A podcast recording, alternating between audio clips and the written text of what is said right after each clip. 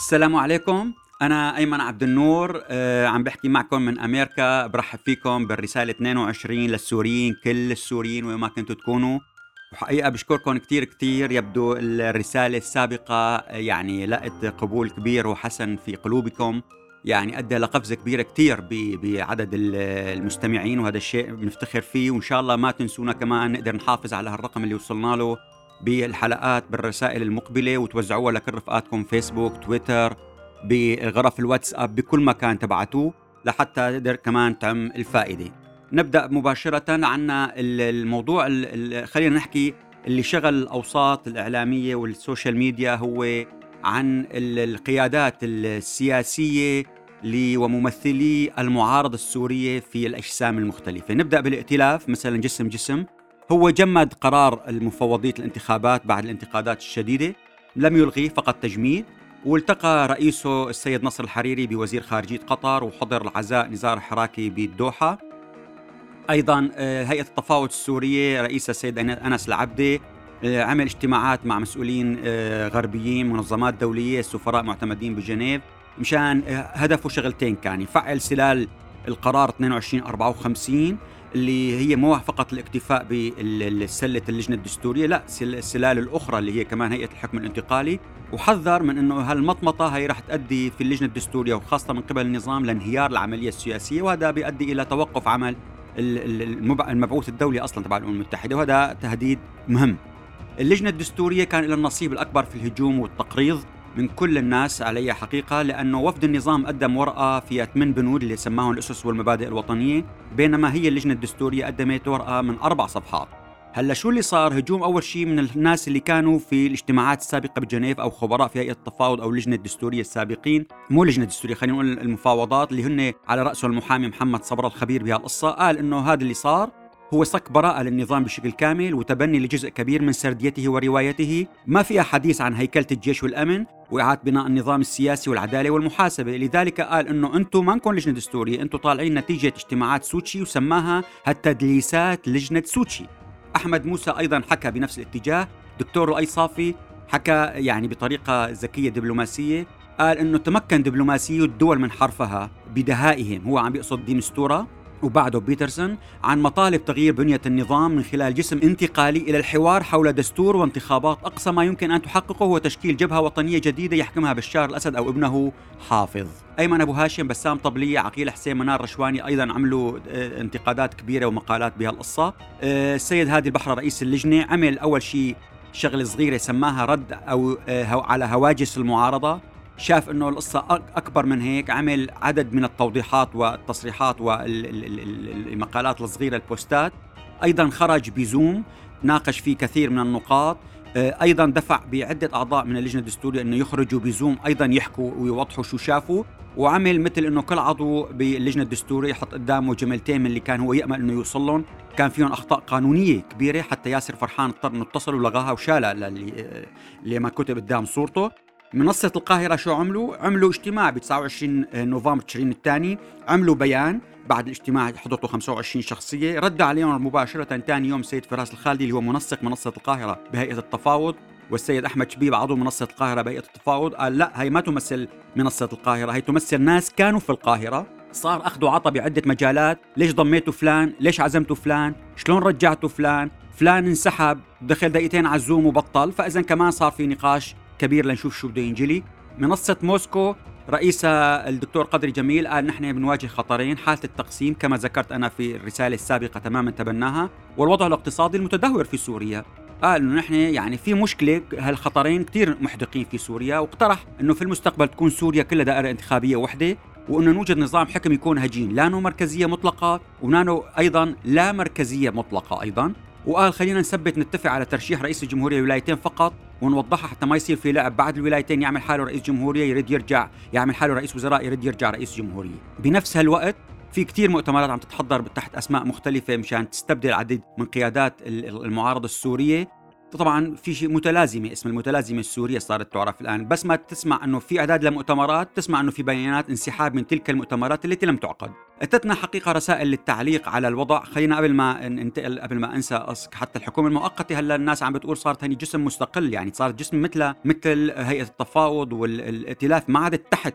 أو تؤمر بأمر الائتلاف صارت مباشرة علاقتها مع الراعي التركي وصارت دولة مستقلة وصار لها رأس وتروح وتجي وتدخل داخل الأراضي السورية وتعمل هناك اتفاقات وما بنعرف شو عم بتخطط أيضا.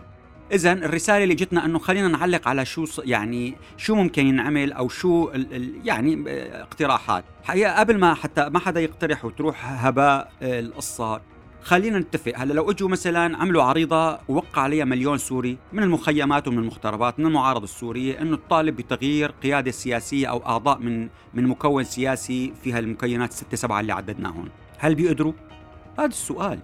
طيب أكثر من هيك. إذا إجت كل الدول تبع أصدقاء دمشق كلهم بما فيهم أمريكا وقالوا بدنا نغير قيادة الائتلاف كلها كاملة كل قيادة الائتلاف مع هالجسم كله الجمعيه هاي الأسماء والمكونات ونغير لك كل قانون وننفضه آه، بيقدروا؟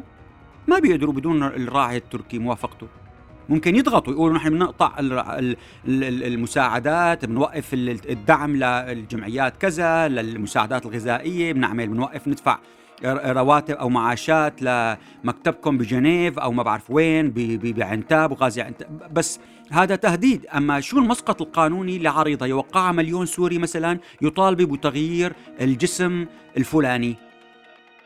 ما يعني هذا قبل شيء خلينا نشوف شو شو الأسلوب القانوني. طيب ننتقل مباشرة للحدث الأكبر اللي عمل يعني كثير كثير ردود فعل اللي هو كلمة وزير الأوقاف في طرطوس في نهار الجمعة ب 4 ديسمبر كانون أول اللي تلاها بعد ثلاثة أيام يوم الاثنين كلمة رأس النظام بشار الأسد في الجامع المسجد بدمشق بحضور القبيسيات وعلماء الدين الإسلامي السنة. هلا كان في كليب كثير ظريف لورد نجار حقيقة قالت إنه بهالاجتماع قدم أضحية يعني ذبح على هذا الهيكل الليبراليين والملحدين والعلمانيين قدموا هدية لهدول علماء السنة الذين تابعين للنظام واجتمع معهم.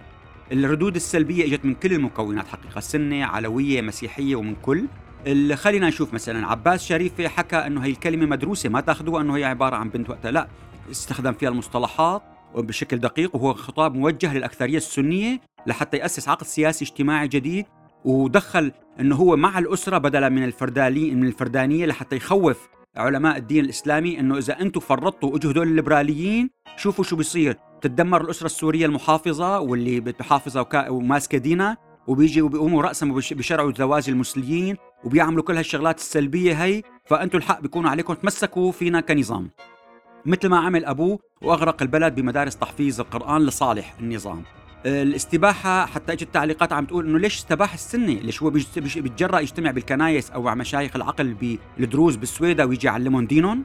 مع أن الله قال هي معادلة ناظمة للتحالف مع السنة المؤيدين والمريدين له مفادها لكم الدين الصحيح المنضبط ببوصلة المخابرات السورية مقابل أن الحكم لي هلا صار في كتير عم بيقولوا إنه كيف كان بشار اللي كانوا يلقبوا الغرب والإعلام ويطبل له ويزمر له إنه حامي الاقليات وراعي العلمانية؟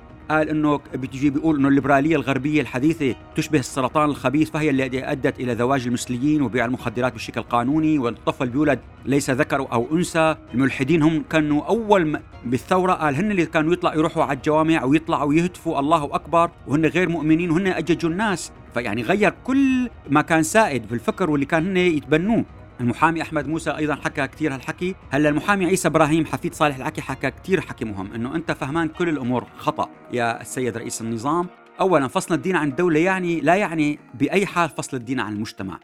فصل الدين المقصود فيه إنه فصله عن الاستخدام الموظف له في مؤسسات الدولة، فكل المواطنين بيدفعوا ضرائب وبالتالي هن شركاء غرم بمؤسسات الدولة لازم تقدم خدمات لكل الناس وليس لطائفة أو دين معين. هذا الحكي الصحيح. كذلك يجب عدم استثمار الدين من قبل طغمة متنوعة دينيا وعرقيا في محاصصة سياسية ظاهرها ديني لكن باطنها مصلحي. وعلى حساب كل المواطنين الآن هو الاتفاق بين العسكريتاريا والمؤسسة المالية التجارية السورية وبين المؤسسة الدينية اللي هي تابعة للنظام. هكذا قال السيد المحامي عيسى إبراهيم. حزب الاتحاد السرياني المنظمة الآثورية الديمقراطية أصدروا بيانات من الآمشلي ومن الحسكة بدينوا فيها كلام ما قاله رئيس النظام بشار الأسد. قال إنه هي حملة منظمة تهدف إلى تسفيه قيم الحداثة كالحرية والمساواة والديمقراطية والمواطنة والعلمانية وحقوق الإنسان بحجة الحفاظ على الدين وصون عقيدة المجتمع. وقال إنه الإسلام هو بهالطريقه اللي حكى فيها نزعوا من آه، نزع عن الإسلام أي قيمة إنسانية وحضارية عرف بها واتسم بها دائما ودفعها لتصبح هي عقيدة لمنظومة حزب البعث. هون القصة. هلأ أول رد فعل رسمي اجى من أمين رئيس حزب السوري القومي بحمص بوادي النصارى السيد نهاد سمعان عضو مجلس الشعب. حقيقة هو تورط فيها لأنه هو رد على وزير الأوقاف بقسوة لكن بعد يومين ثلاثة نفس الحكي حكاه رئيس الجمهورية قام ضبط ما عاد استرجع كمل إنه انتقد كلمة آه، آه، رئيس الجمهورية فشو قال؟ قال وين مصلحة الدولة اليوم بقولك أيها وزير الأوقاف بأن الكرد والسوريان والأرمن والروم والشركس هم نعتبرهم مواطنين كاملي. الحقوق بتقول تجي انت بتقول عنهم يا وزير الأوقاف إنه يعيشون في كنفنا وما كان في مشكل. شلون يعيشوا في كنفك؟ هدول مواطنين مثلهم مثلك مكفول حقوقهم بالقانون وبالدستور. كيف ما كان في مشكله ليش فقط لازم يعيشوا وياكلوا ويشربوا ويناموا؟ ولا لهم حق في الدستور مثلهم مثلك وبترشحوا وبيشتغلوا في المناصب العامة مثلك؟ خلاصة. الحديث هو كما حصل عام 73 وقت اللي حسن حبنكي وقاد آه، حركة حقيقة ضد النظام وضد حافظ الأسد بسبب إلغائه آه، موضوع وضع الدين الإسلامي لرئيس الدولة والشريعة الإسلامية في الدستور. آه، وصل حافظ الأسد معه لعقد اجتماعي غير وجه سوريا ل 20 سنة من 73 لل 90 بعدها قلب عليه وبطلوا وعمل عقد مع رجال الأعمال في ذلك الفترة وعلى راسهم السيد راتب الشلاح ابوه للدكتور عفوا بدر الدين الشلاح ابوه للدكتور راتب الشلاح. وبعدها بال 2000 حصروا الرجال الأعمال فقط التابعين لرامي مخلوف بشار الأسد واستمر فيه. الآن يبدو بده يرجع لنفس الاتفاق السابق اللي هو يحصره فقط بين العسكريتاريا مع رجال وعلماء الدين الإسلامي وفق تفسير النظام السوري حصرا. هلا الغريب بالأمر اتصل معي رجل دين مسيحي رفيع المستوى. قال يعني قال لو أنا حاكي شلون هيك؟ يعني شو رأيك تفسيرك إنه لهي اللي صار؟ ولو أنا حاكي هالشيء يعني رجل الدين المسيحي يعني بيقول لو أنا حاكي هالشيء كانوا شقفوني الصحف والإعلام الأمريكي. كيف ما حدا منهم عمل شيء؟ جبته أنت الآن مصدوم يا سيدنا لأنك أنت عم ترفض أن ترى ما يحصل بعيون الناس. بل أنت عم تشوفك أنت تشوف كل شيء ما حصل بعيون امتيازاتك. سيارتك طولها 10 أمتار ما دافع لها جمرك ومانك عامل عسكرية كهربتك ببلاش وبكل حفلة بتيجي بتتصدر أنت وتتبروز مع المحافظ وأمين الفرع ورئيس الجمهورية بالصور بين معهم. هذا مشان هيك ما عاد شفت الناس وهموما طبعا هلا يعني كان اللقاء على زوم كان رح يبكي شوي تاني لكن الحقيقة هذا في ناس مثله طيبين لكن في منهم فاسدين. ترباية الأمن السوري وفي كثير منهم صدقوا ساذجين حقيقة أنه فصائل المتطرفة جاية تقتلهم وتدمر بيوت العبادة. لكن الغريب أنه فعلا الإعلام الأمريكي ما حكى أي شيء عن الموضوع نجي لنقطة أيضا الشيخ معاذ الخطيب عمل لقاء مع المجلس السوري البريطاني قال فيها لازم نتخلص بقى من قصة هي اللي بنخبيه والتقية. إنه كل الناس القيادات المعارضة عم تظهر وجه بشوش لكن بقلبها عم تضمر تبعية إما لدول أو لأفكار متعددة. واقترح إجراءات بناء الثقه بين كل الناس وكبداية خلي تكون بين التيارات الإسلامية في الثورة السورية بدل ما نازلة ببعضها ويعني ضد بعض. لذلك قال بنبلش ببعض بعدين مع الخط الشعبي العام بعدين بنروح مع العلمانيين. ودعا انه يصير في لقاءات بين نخب من مكونات الشعب السوري العلوي الدرزي المسيحي والسني ويقربوا وجهات النظر ويبنوا ثقة بيناتهم. صار في 15 ضابط قتلوا بحوادث غامضة حوادث زير حالات غامضة من شهر آب الماضي أغسطس. فالسبب عم يرجع إنه هالسبب إنه علمه صار بيعرفوا أكثر مما يجب وبالتالي قتلوهم. صدر مؤشر المعرفة العالمي من أربع خمسة أيام لسه ما حدا كتب عنه مقالات طلعت سوريا فيه من 130 من أصل 138 يعني في أسفل ذيل القائمة للأسف الشديد في التعليم التقني في التعليم العالي في البحث والتطوير في الاقتصاد. في البيئة في البيئة التمكينية النظام دمر رأس المال البشري للدولة. هذا صعب ينبنى مو بناية فينا نبنيها شهرين. هذا بده جيل كامل صار دمر. نحن طلعنا 130 ترتيبنا بمؤشر التعليم ما قبل الجامعي والتعليم الجامعي. للأسف الشديد صعب كثير بناؤه. أيضا جوي ريبرن المبعوث الأمريكي لسوريا التقى بالحسكة بقاده من دير الزون غسان يوسف رئيس المجلس المحلي وأحمد الخبير قائد المجلس العسكري ومن الادارات الذاتية وقال لهم حكوا عن دعم المشاريع التنمية والخدمات ووقف التهديدات الإيرانية دعم الاستقرار والأمن محاربة داعش. تم تعيين المظلية الدكتورة في الصيدلة كرئيسة المؤسسة العامة السورية للتأمين اللي بتحتاج لواحد يكون معه دكتوراه في التأمين. مو ناطط في المظلة بس هي كل خبرته. مايكل لانجدن اللي هو المبعوث البريطاني لسوريا وبسبب انتهاء مهمته وعمله آخر كان آخر يوم وقبل بيوم عمل مقال وبعدين آخر يوم أكرمنا بتويتات قال شو سوريا تقف على حافة الهاوية واللي بتجتاحها الآن أزمة اقتصادية واجتماعية كعلمانها عم تكبر والمشكلات رح تكون أكبر بكثير وجايه قريبا عم بيحذرنا وإنه في وعكة سياسية كبيرة جدا مقبلة على سوريا قريبا ولازم ننتبه لها أو إنه البلد والنظام رايحين ما بما إنه ما عم بيتصرفوا فرايحين لوعكة سياسية وللحفه الهاوية والهلاك. عبد الله الخاني توفى اللي عن عمر كبير 98 عام من خيرة الناس اللي كانوا أو أسس وزارة السياحة. أيضا عمل شارك في يعني كان أمين عام قصر الجمهوري سابقا في المحادثات مع أمريكا. دعا طبعا ما بيحترموا النظام ما بيحترم أي شخص إنسان من عائلات محترمة وشخص محترم. دعا النظام لمؤتمر حوار وطني اللي صار بأول ثورة بال 2011 مسك كل المخرجات زتهم بزبالة النظام.